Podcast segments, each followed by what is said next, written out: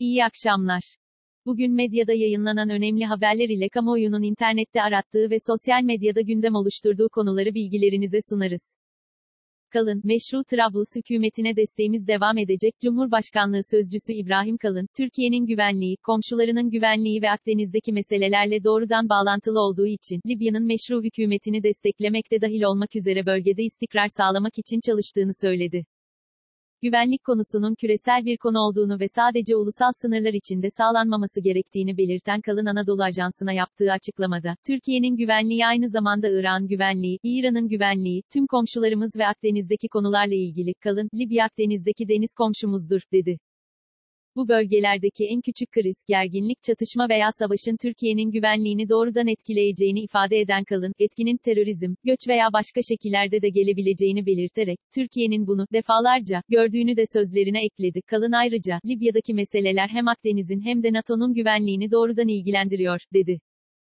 BIST 100, salgın sonrası ilk defa 120 bin puanın üzerini gördü. BIST 100 endeksi, 22 Ocak'ta 124.536,60 puanla tarihi zirvesinin görmesinin ardından COVID-19 salgının etkisiyle yaklaşık 2 ayda 81.936,40 seviyesine kadar geriledi. Endeks, bu seviyeden sonra tarihi bir yükseliş rallisine imza attı.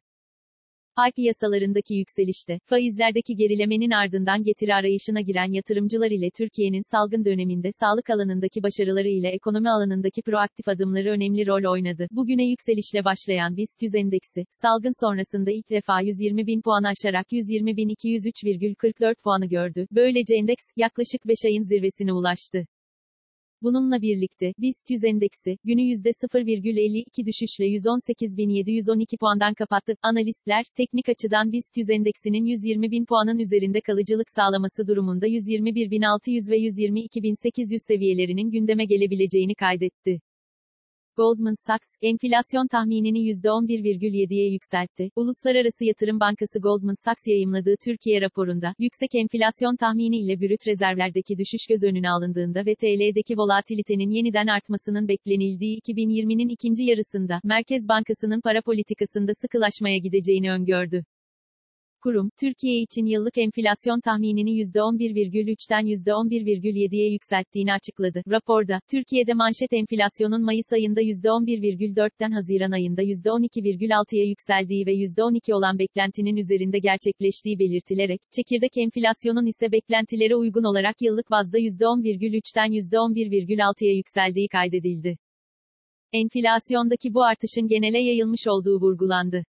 BDDK'dan bankalara kolaylık çağrısı, Bankacılık Düzenleme ve Denetleme Kurumu, koronavirüs salgını sonrası normalleşme döneminde finansal kurumlara bireysel ve ticari müşterilere kolaylık sağlayacakları hususları bildirdi. BDDK, banka ve banka dışı mali kuruluşlara normalleşme döneminde bireysel ve ticari müşterilere kolaylık sağlamaları konusunda 11 maddelik talimat hazırladı kurum, ilgili kuruluşlardan, bireysel ve ticari müşterilerin vade tarihi 2020 yıl sonuna kadar olan ödemelerine ilişkin öteleme taleplerinin karşılanmasını ve ötelenen nakit akışları için güncel piyasa koşullarına uygun fiyatlama yapılmasını istedi. Süt üreticileri fiyatlarda yeniden düzenleme istiyor. Türkiye Süt Üreticileri Merkez Birliği Başkanı Tevfik Keskin, yem sanayisi ile sütü işleyen ve mamul haline getiren süt firmalarının raf fiyatlarında artış yaptığını belirterek, buradan sektörümüzün tüm otoritelerine, özellikle Gıda Komitesi'ne sesleniyorum, süt üreticileri olarak ürettiğimiz sütümüze zam istiyoruz, dedi süt üreticilerinin artan girdi maliyetlerine karşılık artık ayakta durmakta zorluk çektiğini dile getiren Keskin, herkesin takdir edeceği gibi ülkemizin süt üreticileri, yaptıkları fedakarlıklarla, süt fiyat artışını fazlasıyla hak ettiler. Üretimde maliyetleri düşürecek tedbirlerin alınması ve süt üretiminin büyük çoğunluğunu gerçekleştiren küçük aile işletmelerimizin durumlarının göz önüne alınarak süt fiyatlarının yeniden düzenlenmesini tüm süt üreticilerimiz adına talep ediyoruz, şeklinde konuştu. BIST 100 endeksi, günü %0,52 düşüşle 118,712 puandan kapattı. Saat 18.30 itibariyle ABD doları 6 lira 86 kuruş, avro ise 7 lira 77 kuruştan işlem görüyor. Bugün Google'da en çok arama yapılan ilk 5 başlık şu şekilde. 1. Duygu Özaslan.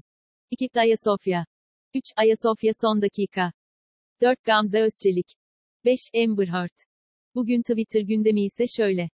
1. Hashtag Elsiva 22 boykot. 2. Hashtag Ayasofya camidir. 3. Duygu Özaslan. 4. Hashtag Atatürk'ü çok seviyorum. 5. Hashtag Çarsamba.